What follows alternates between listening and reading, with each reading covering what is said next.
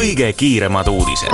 Kuku raadiole teadaolevalt. Varavalgest, tere hommikust, te kuulete Kuku raadio ärataja programmi. Tähelepanelikult, esimene lause oli, et sina ei pea mitte tapma ja teine lause oli, sina ei pea mitte varastama.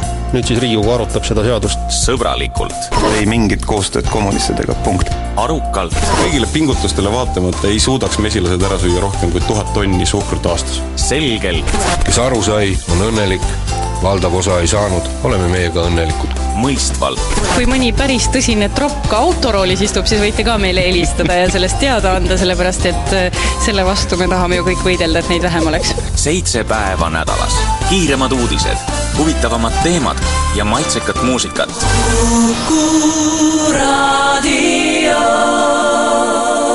mõtelda on mõnus.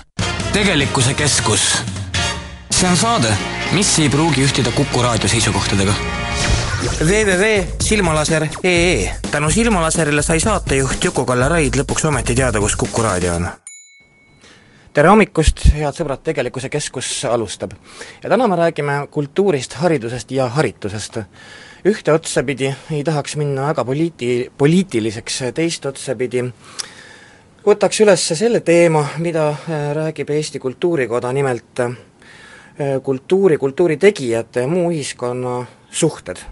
suhted on keerulised, mulle alati äh, noh, sõna kultuuritöötaja teeb, kuidagi kõlab õõvastavalt küll, aga aga eks ole küll nii, et, et osa, osasid vähemalt kultuurivaldkondi vaad-, vaad-, vaadeldakse ühiskonna poolt kui eelkõige kui palagani.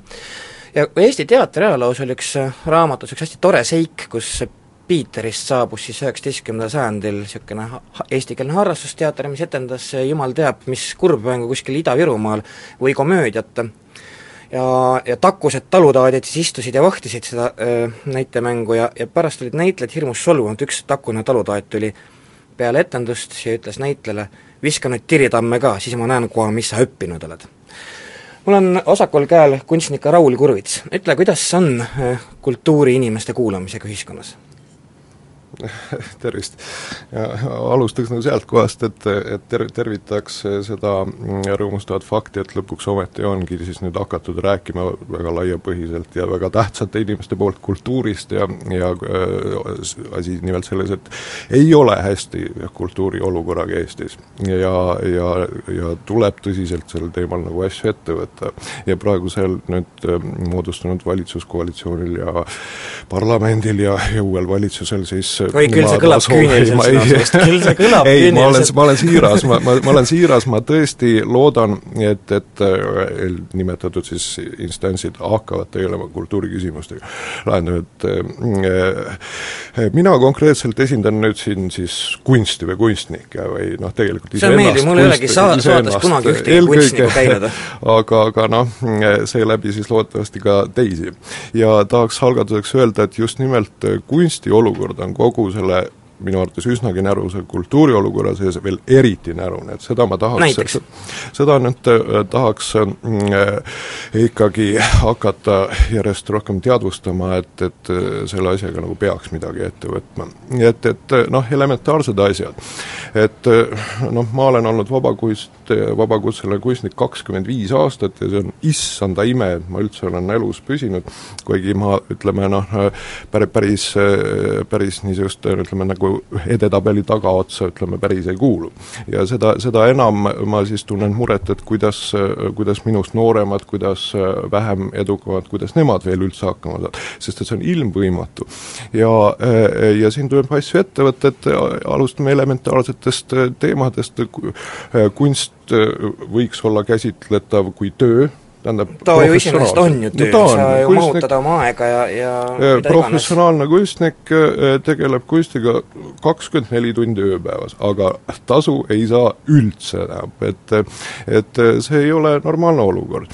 et, et noh, tuues nagu näiteid, et kuidas, kuidas kunsti tegemine käib vabariigis, noh näiteks mul oli kunagi au esindada Eestit Veneetsia biennaalil, äh, kas nüüd keegi arvab, et ma selle eest ka tasu sain?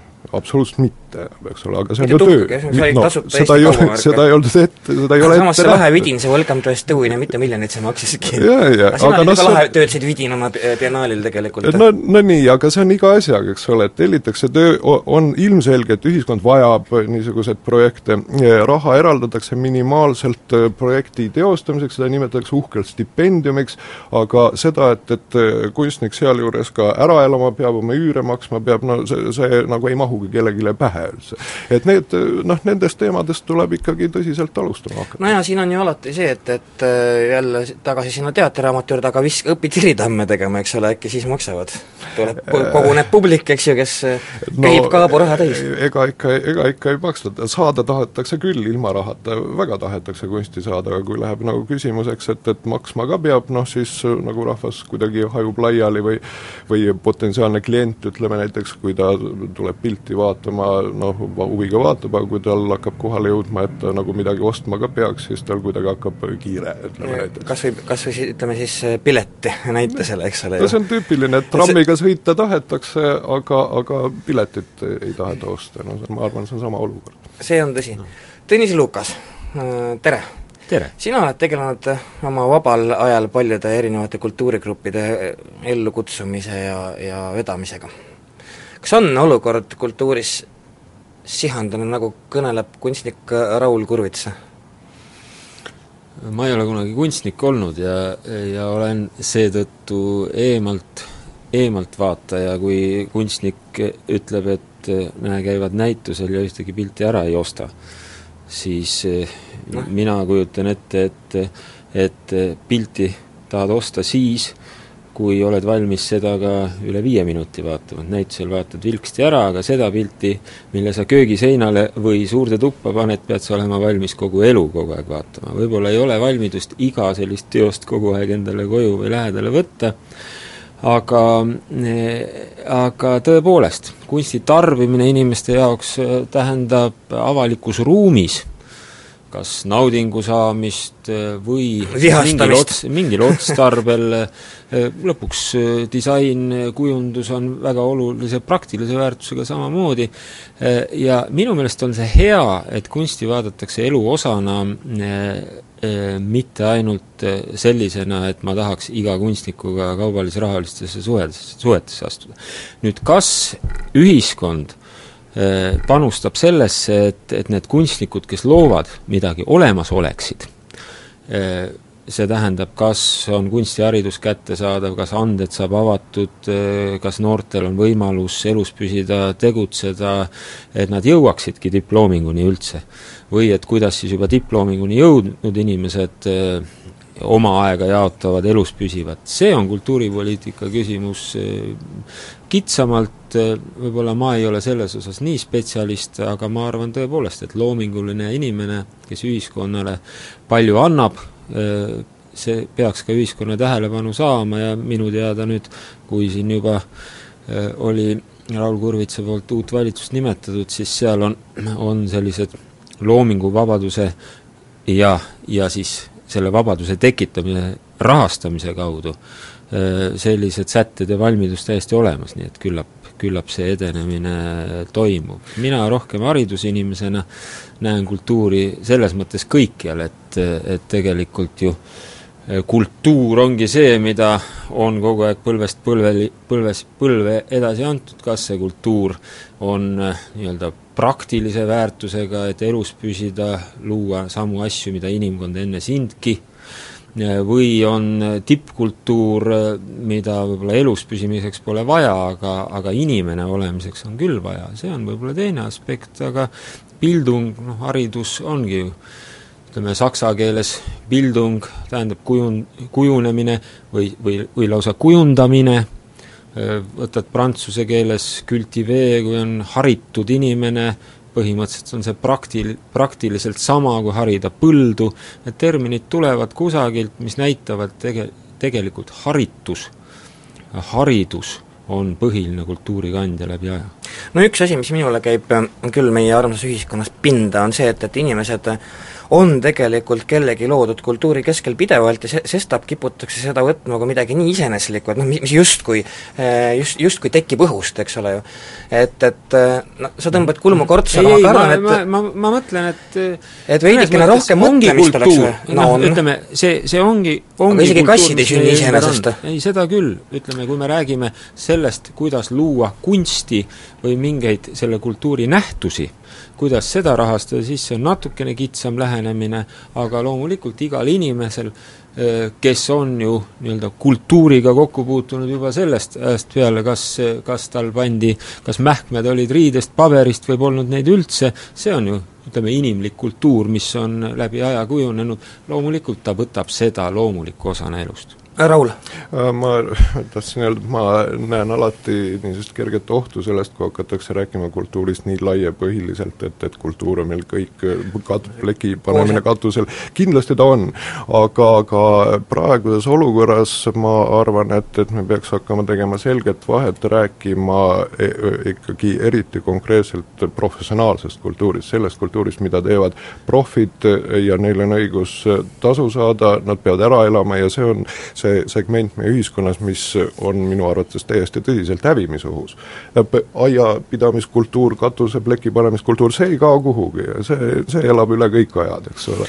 aga, aga professionaalne olen... süvakultuur ei pruugi üle elada, inimesed lihtsalt tõsi ta on ja, ja ini-, et, et süva, süvakultuur äh, kestaks, see, see, see on selline valdkond paratamatult, kuhu äh, ühiskond peab panustama kindlasti, kui me hariduse seostele kultuuriga edasi läheme, siis ma saan natukene pikemalt Läheme, läheme, see äh, pikemalt arutleda veel. kultuuriministeerium ongi haridusministeerium. aga kahtlem-, kahtlemata kõik need otsad viivad ikkagi lõpuks hariduse juurde välja, et selles mõttes haridus siinkohal on no, ääretult oluline. lõpuks seesama inimareng või ütleme siis pildung, kui kujundatakse noort inimest, siis see tähendabki seda, et talle luuakse võimalused arenemiseks. koolis ongi põhiprotsess, ei ole mitte õpetamine õppimine, vaid on tegelikult lapse areng, ütleme, või, või siis noore inimese areng ka, ka läbi ülikooli ja lõpuks läbi aegade on sellena, selle ühe osana vaadatud ka ütleme, kunstivõimekuse igasuguste erinevate kultuurialadega äh, tutvumise äh, rolli, ütleme ilma muusikata, ilma ka kunstita noore inimese kujunemist, are-, arenemist ei ole võimalik tegelikult kurat, sa ei tohi unustada raamatuid. ei no raamatut ma loen ju selle sama, sama asja osaks, raamatud loomulikult. aga, aga kui vaadata, äh, kuidas siis hariti äh, noh, ma ei taha rääkida ainult aristokraatidest, võib ka ütelda, neil oli ju kõigil vehklemine, maalimine no,, muusika, kuid näiteks Eesti kool on praegu äh, väga paljudest äh, teistest koolisüsteemidest võrdluses äh, erinev ja, ja minu meelest meie kultuuriruumis ka oluliselt meie kultuurivajadustele vastav sellega, et et kunst ja muusika, muusikaline haridus laulmine ja ka noodi tundmine on meil üldhariduse osa, kus ta teistel enam ei ole.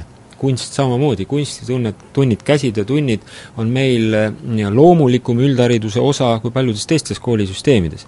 et tegelikult meil, meie vaatamegi konkreetselt kunstiväljundit äh, ja muusikalist väljundit, lauluoskust hariduse osana ja see on meie ühiskonna tugevus lugemisoskus on ka kindlasti äh, äh, ühiskonna noh, ilmselt kõige elementaarsemaid oskusi ja ilma, ilma selleta vast ei saagi kultuurist rääkida. Hardo Aasmäe, sina tegeled ütleme siis nende asjade levitamisega, mida saab lugeda, sa saad nimelt, toimetad kirjastust. ma kuulan praegu seda arutelu ja ja paratamatult tuleb meelde üks linna lendlause. noh, teatavasti rahvas on väga nutikas ja kui ta kuulis, et eh, Rein Langist, vanast granaadimehest, on saanud kultuuriminister, siis selgub, et tal on uus ametinimetus tekkinud. see on lühendatud akronüümina on KKK ehk kultuurikehvikute kunn ja, ja, ja tõsi on ju kultuuri puhul alati ka see, et see on tahes-tahtmata ka püramiidaalne nagu kõik teised nähtused ja ja mm, on ju ikkagi kultuuri puhul oma kihistumine ja, ja no. kultuurivaldkondade vahel on ka erinev nõudlus, kui me räägime turunõudlusest.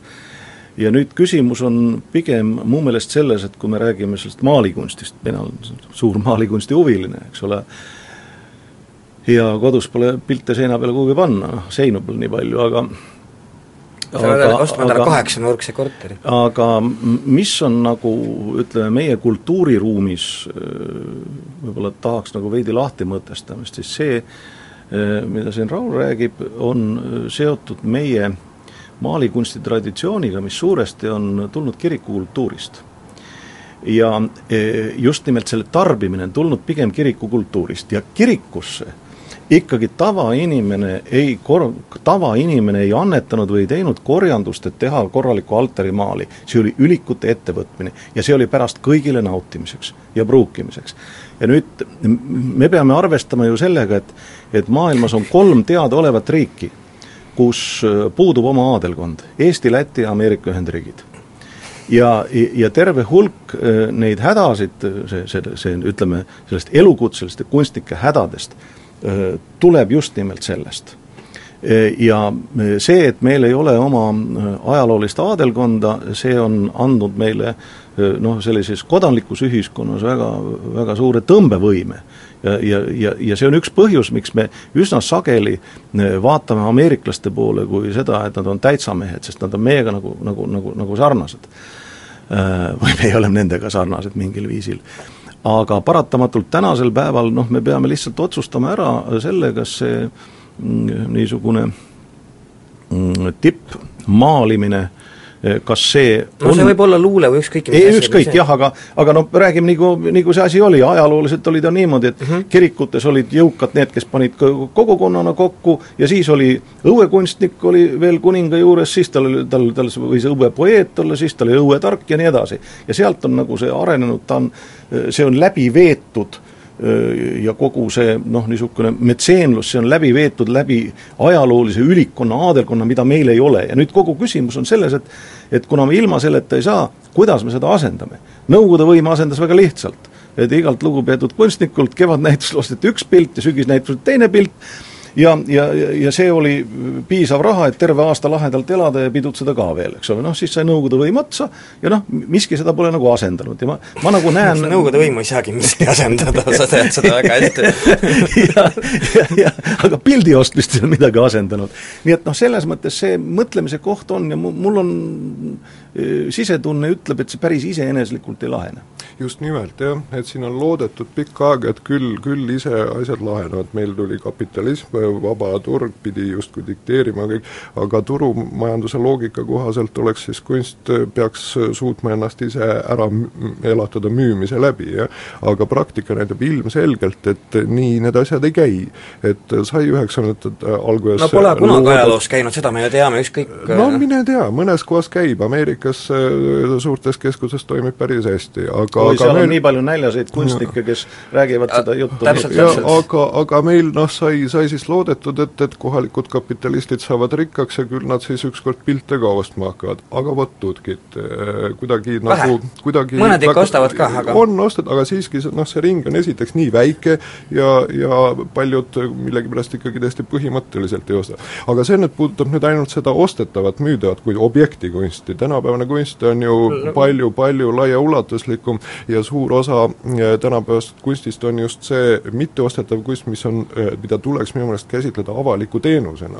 et see on noh, lihtsalt öeldes võib ka öelda, et see on show rahvale, aga muidugi see on, kunstnik ju esitab probleeme, küsimusi. see on niisugune avalik, avalik teenus, mida inimesed saavad tasuta, aga kogu küsimus on selles, et kuidas see nüüd kinni makstakse, millise, milliste mehhanismidega. ja need on meil ääretult puudulikud ja nüüd ma siis nüüd tõesti loodan ja jälle nüüd, nüüd jälle needsamad parlament valitsuskoalitsioon, nii et, et palun, ma tõesti loodan ja nõuan, et sellega tegeleks, muuseas Juku, sul oli väga huvitav ju mõte eile, üleeile sa avasid seda, seda teemat, et, et parlamendi juurde moodustada parlament, parlamendiväline kultuurikomisjon, et jaa, see on tõsi, see, selle ma käisin eel, eelmine nädal ja selle mõte on jah, kultuuripoliitika survestamine tõepoolest mm -hmm. ja noh, et, et siin eh, noh, eks sina pead ka aitama sellel kindlasti õhku sisse puhuda, sellepärast et äh, katsetada tuleb, ma olen tõesti sellega nõus, et, et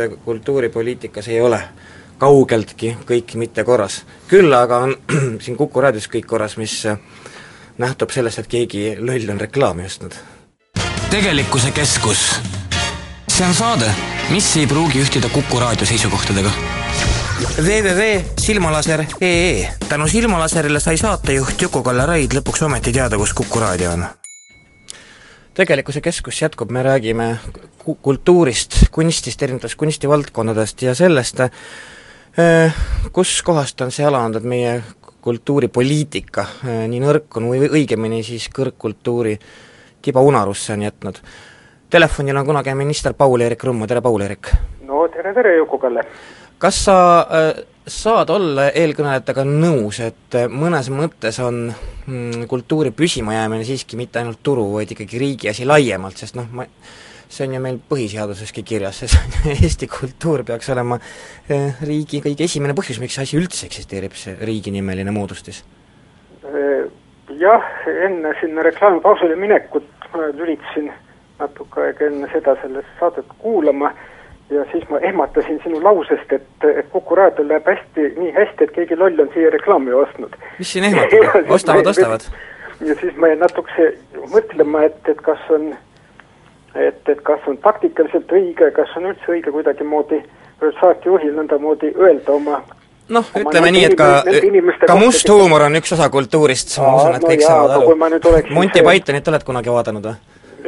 No vot, jah, mina olen vaadanud jah, aga ma jäin praegu mõtlema, et, et kas see inimene, kes, kes reklaami ostes Kuku raadiot ja sinu saadet ülal peab, on, on, on samamoodi häälestunud nagu ma tänan sind, ma tänan sind muretsemise pärast, see on väga südamlik. austaja mõtleb, kurat, ma pean seda raadiot Juku-Kallet üleval ja tema ütleb, et, et, et, et loll on, on, peab, mingi loll peab mind siin üleval.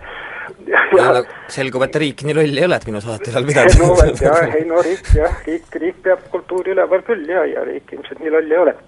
eks see küsimus põhiliselt ole, ole ikka mm, ühelt poolt hoiakutes ja teiselt poolt ressursi, ressursi suuruses.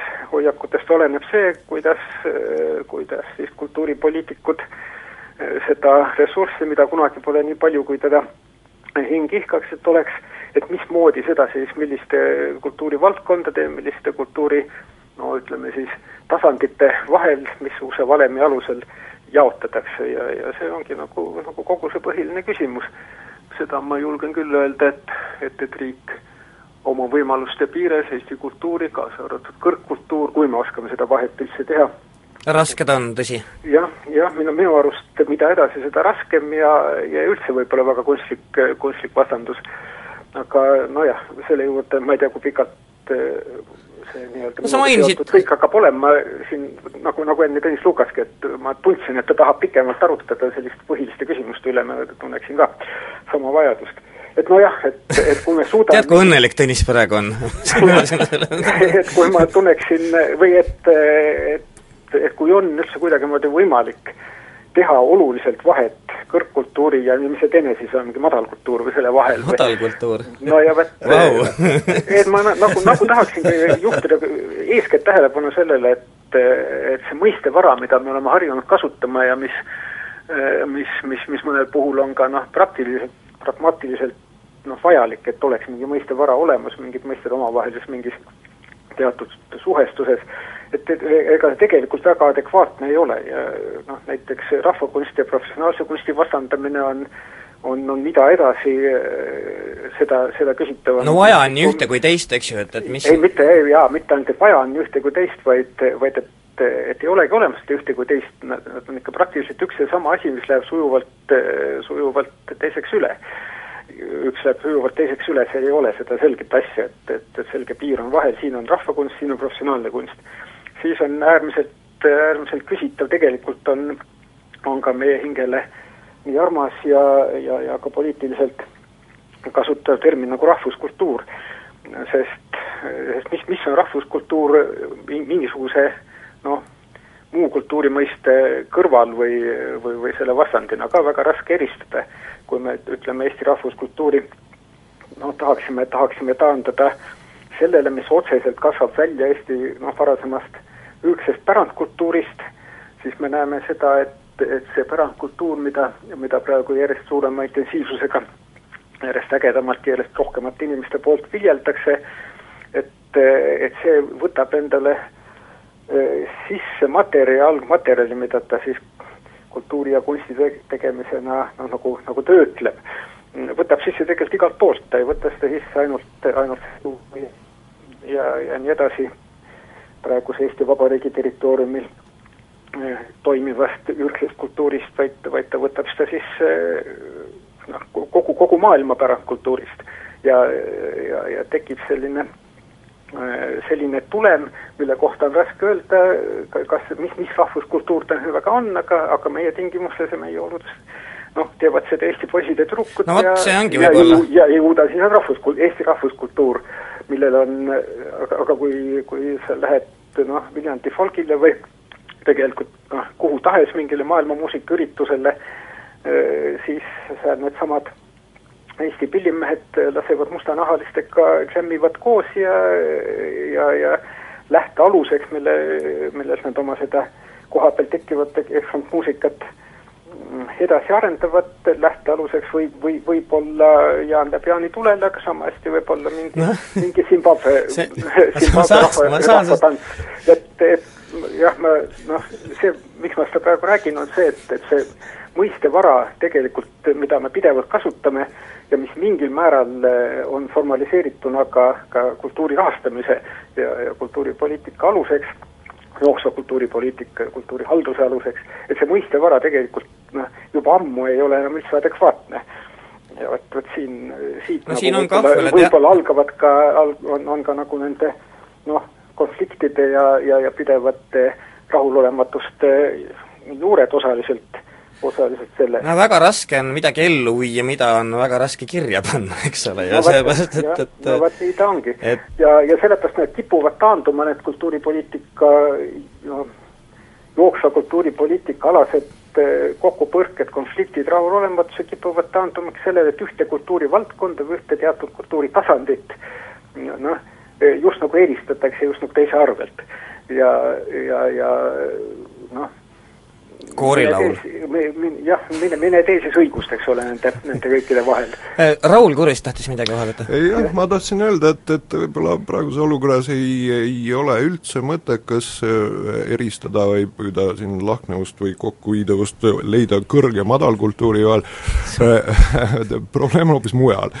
Täpsustat-, täpsustaks tõesti need mõisteid ja räägiks kultuurist laiemalt ning sellega siis, sellest erinevalt kultuuri ja kunsti tegemisest kui tööst tähendab, siin, siin, siin on võimalik teha ikkagi selge vahe sisse mm. -hmm. Mida härra Rummo rääkis, see on rahvakultuur, seda, sellega tegelevad kõik ja see ei ole töö, see on, ütleme, see on hobi, see on muu elu sisse põimunud tegevus. aga on teatud grupp inimesi, kelle jaoks kultuuri tegemine on reaalne töö, elukutse, see, nad on omandanud vastava hariduse või, või ilmunud areenile kuidagi muud moodi end ehk samas ennast siiski tõestanud ja, ja sellest hetkest me saame rääkida professionaalidest mm. -hmm. ja, ja siin on võimalik teha vahet, siin lähevad mõisted konkreetseks ja, ja just nimelt selle, sedasorti inimestega on, tuleks kellele nagu kultuuri kuidagi... tegemine on töö, et jah, täpselt, nendega tuleks tegeleda, see on probleem. Tõnis Lukas jah, muidugi me võime keskenduda kultuuri tegemisel nendele, kellele see on töö ja näha ainult kujutavaid kunstnikke siin, aga kindlasti ei, on spekter no, laiem, eks ju, palju laiem. ja, ja kui natukene siiski lubate kultuurist, tema olemusest laiemalt rääkida või, või olgu, ma võtan sellesama vastuolu, mida mida siin on esile toodud, siiski vastuoluna, ärge nüüd öelge, et te ei tahtnud vastandada, põhimõtteliselt te ikkagi nägite, et rahvakultuur on midagi muud kui kõrgkultuur, mina tunnetasin seda vastandamist siis, kui ma olin Eesti Rahva Muuseumi direktor ja üheksakümnendate esimesel poolel tõsiselt võtsin üles Eesti Rahva Muuseumile uue hoone ehitamise. ja, ja ka projekt oli valmis ja siis oli meil kolm suurt rahvuslikku kultuuriobjekti järjekorras üks oli Muusikaakadeemia, teine oli Kunstimuuseum ja kolmas oli Eesti Rahva Muuseum. Muusikaakadeemia läks ehitusse ja et siis väljendati nüüd niimoodi, et meie siin kõrgkultuuri eest seisjad arvame, et nüüd Muusikaakadeemia taga olnud jõud äh, peaksid toetama e-, teise objektina kunstimuuseumi ehitamist, sest see on ka kõrgkultuur. ja rahvakultuur ehk Eesti Rahva Muuseum võib siis seal Tartus kusagil oodata, nii et seda vastandamist on tegelikult mõnel määral olnud. samas ei, kui, kui vaadata seda meie rahvakultuuri, võtame sellesama laulu, laulupidude kultuuri või traditsiooni, siis see, kui kolmkümmend tuhat inimest laval laulab noodist, on tegelikult küllalt eriline, võttes paljude teiste täitsa põnev ilming ühesõnaga, jah? no selles mõttes, et, et koorilaul on meil siiski ka juba osa professionaalsest kultuurist ja, ja sellisena see on kujunenud. ma arvan, et Eestil, Eestis rahvakultuuri ja kõrgkultuuri vahet ongi väga raske teha, kuna kui ühiskond ei ole nii suur, ongi distants ka tegelikult äh, väga väike. ja kui, kui jah, ja kui, kui Rahvusmuuseum on äh, monarhistlikus äh, Rootsis kunstimuuseum, siis meie Rahvusmuuseum on, näete needsamad äh, kirnud, käpikud ja, ja õllekapad Eesti Rahva Muuseum. sall, mis sul kaelas on. no näiteks, jah. nii et, et meil see distants ei saagi olla väga väike, aga sellega ma ei pisenda kujutavate kunstnike muret äraelamise pärast ja seda, et me peame anded alles hoidma ja tõepoolest tegema nii, et loomingulistel inimestel oleks oma stipendium, oma palk, et nad saaksid seda kunsti teha. Paul-Eerik Rumm, oskad sa Tõnist täiendada? Noh, ma kiidan Tõnist selle eest, et ta sama tark on nagu mina selles mõttes, et, et ütleb, et, et, et seda piiri tõmmata professionaalse ja rahvakultuuri on väga raske ja, ja see, aga nojah, olgu, see selleks. Aga nüüd jah, härra Kurvits enne oma varasemas esimeses sõnavõtus rääkis, et noh, et inimesed, ühiskond või, või ühiskonnaliikmed kõik nagu trammiga tahavad sõita, aga no piletit osta ei taha ja et, et siin on noh, nagu siis analoogiaga nii-öelda kultuuri tarbimise ka, et, et kõik nagu kultuuri tarbivad. ei, ühest küljest me tahame, et meil oleks kõrgkultuur olemas, eks ole, aga teisest küljest me ei taha vastutada selle eest, kuidas see tekib. ei, ei taha selle eest jah, maksumaksja nõude raha maksta või ma, ma mõtlen siis nii-öelda kultuurikassasse või, või siis jah, eraisikuna, eraisikuna kinni maksta midagi endale koju osta või midagi muud selles vaimus. noh, tegelikult noh, see, ma, ma saan aru, kui võiks analoogia eraisikuid ei saa sundida, see oleks halb. aga ega see, nojah, aga jah, et, et küsimus on tegelikult, kui me selle nurga alt vaatame, selles, et, et kas me tajume seda jooksvat kultuuri tarbimist samasuguse vajadusena, kas, kas, kas ütleme siis Eesti ühiskond keskmiselt tajub seda samasuguse vajadusena nagu, nagu vajadust sattuda oma igaveseks elus aeg-ajalt ühest punktist teise punkti ehk trammiga sõita. kui, kui, kui jah, et, et kui see kultuur on meile samas, samasugune eluliselt ja lausa argiselt vajalik asi nagu, nagu trammi või bussi sõit või ühiskondliku transpordi olemasolu, siis, siis pole nagu, nagu küsimustki.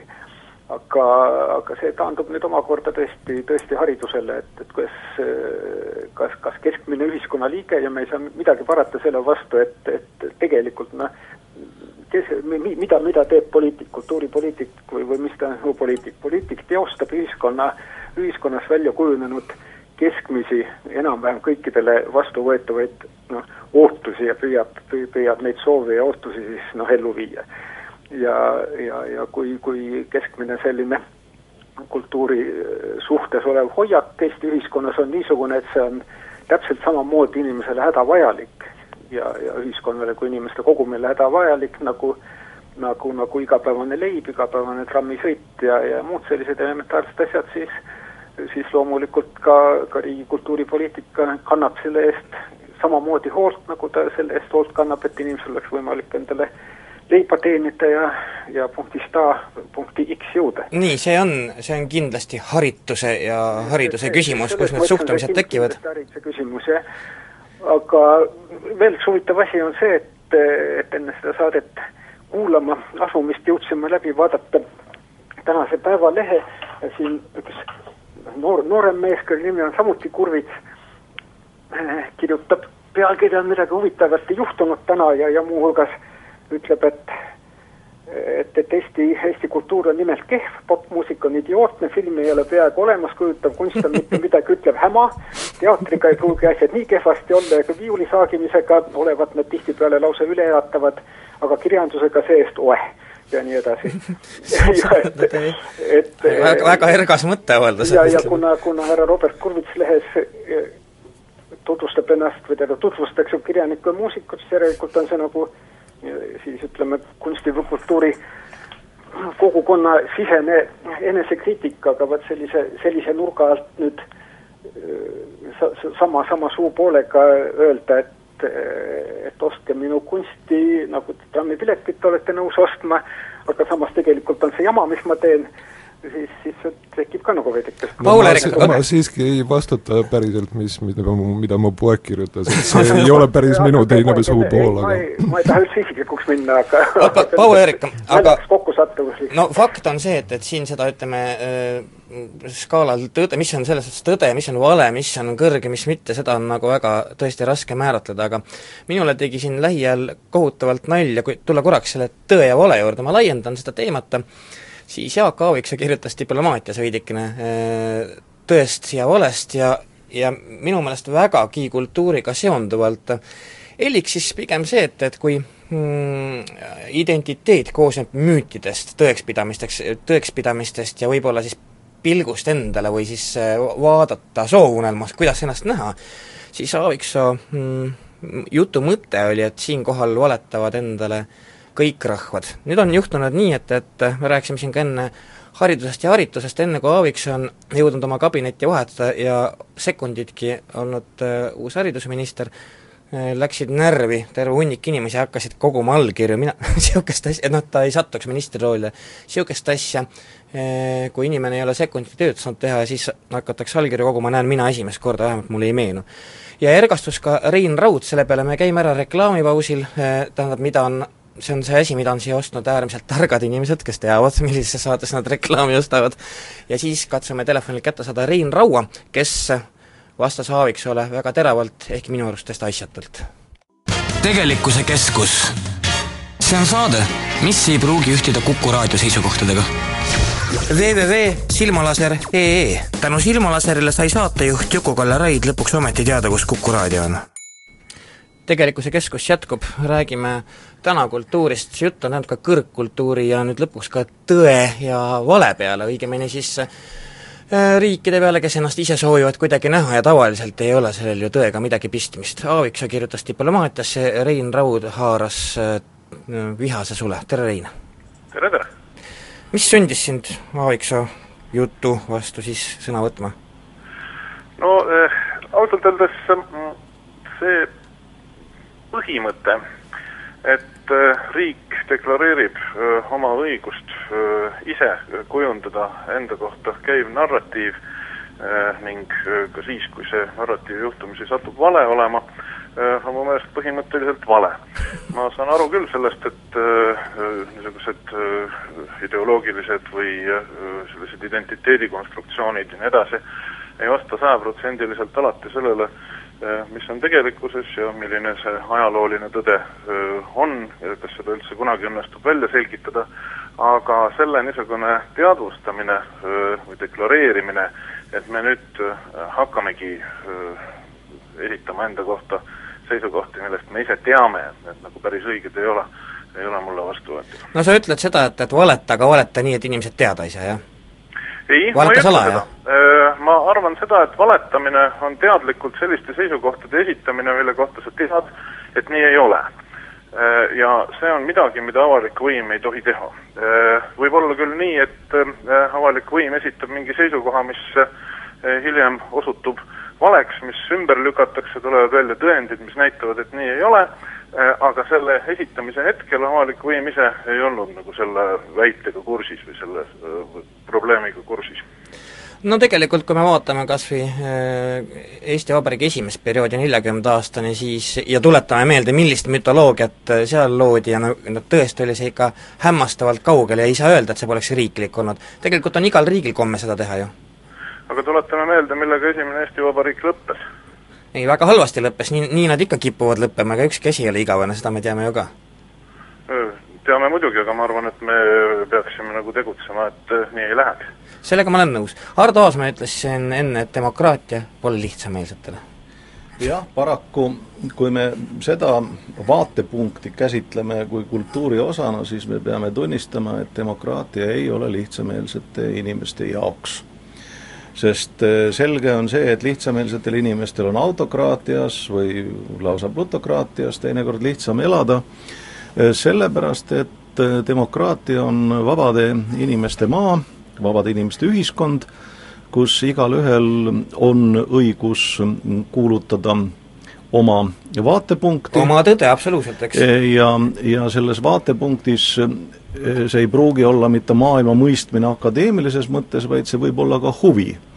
ja demokraatlikus ühiskonnas inimesed ei tohi valetada, kuid keegi ei kohusta neid rääkima kogu tõtt ja alati tekib puhtfilosoofiline küsimus, et kui sa kogu tõtt ei räägi, kas see ongi tõde ja äärmuslik usukuulutus mis tõde see ikka enam on? ja äärmuslik, äärmuslik huvikuulutus teatavasti on reklaam, mis ei tohi sisaldada valet, kuid kõik need, kes peavad reklaami kogu tõeks, need on alati ilma rahata ja nüüd no kas Coca-Cola teeb nüüd, õnnelikuks, nagu meile nüüd, ütleb telekas, eks ju? näiteks on ju ikkagi küsimus selles, et kui me võt-, jätame reklaami kõrvale, vaid mõtleme ka uudistele, siis uudis on niivõrd lühike, lühike teade, et selle mõistmine ja selle uudise võib olla lähetanud keegi, kellel on kindel huvi taga, kuid selle mõistmiseks, et sellest uudisest aru saada, on vaja haritust, mis annab selle tausta et inimesed, kui piltlikult öeldes, et paljuski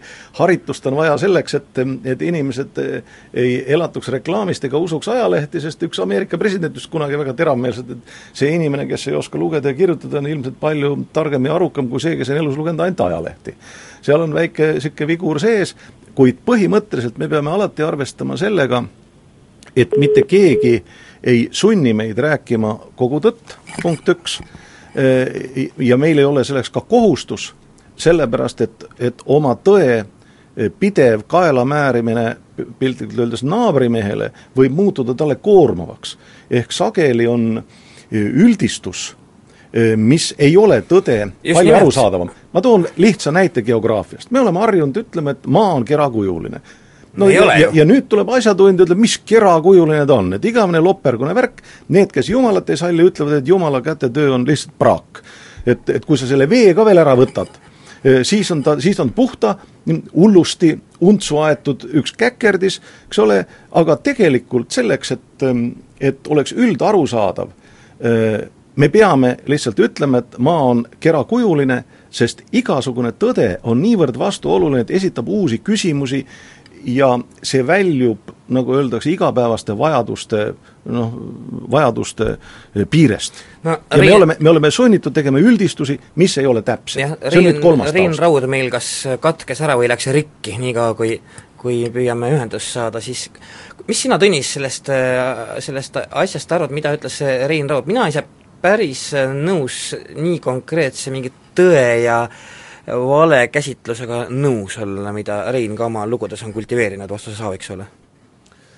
üks riik, mis on ju ühiskondlik kokkulepe, kindlasti valib informatsiooni, mis ta annab, sest informatsioon võib ju olla kellelegi ka väga kahjulik ja seal võivad ka olla, sellest võivad tulenevad aga võimalikud inimohvrid et selles mõttes on mingi äh, salastatud informatsioon igas riigis lubatud. siin oli jutt tõesti valesti, jah. kas on jutt, kas äh, nüüd äh, õigustada valetamist enda rahvale, noh, mina nii sõna-sõnalt muidugi sellega kaasa ei läheks, ma arvan, et enda rahvale valetada et tegelikult läheb meil hästi, kui meil läheb halvasti või tegelikult me kaitseme, kui me tegelikult ründame, seda kindlasti ei tohiks, ei tohiks teha. see tähendab, et kui meil on ikkagi Kaitsevägi, siis Kaitsevägi oma õppustel peaks matkima tegevust, noh, kaardid peaks olema, eks ju, Sinimägede ja muude nähtavate kohanimedega, mitte kohanimedega seal Peterburi ümbruses sellise, sellise valetamisega on tegelenud ju no. Vene armee, kes matkib tegevusi Euroopas, nimetades, et tema on ainult selleks, et kaitsta oma territooriumi. noh, see on, see on selle asja veelkordne edasiarendus, aga, aga Rein Raud on terveks tagasi saanud, ma ei tea, kas sa kuulsid, mida Ardo rääkis kogu tõe mitterääkimisest? et see on ju ka täiesti tavaline praktika tegelikult paraku. Jah, tähendab, ma tahaksin siin teha väikest vahet üks asi on tavaline praktika, tähendab, äh, üks on see, mida seal Peeter räägib oma naisele või äh, Andres räägib oma ülemusele, miks ta tööle hiljaks jäi, teine asi on see, mida teeb avalik võim.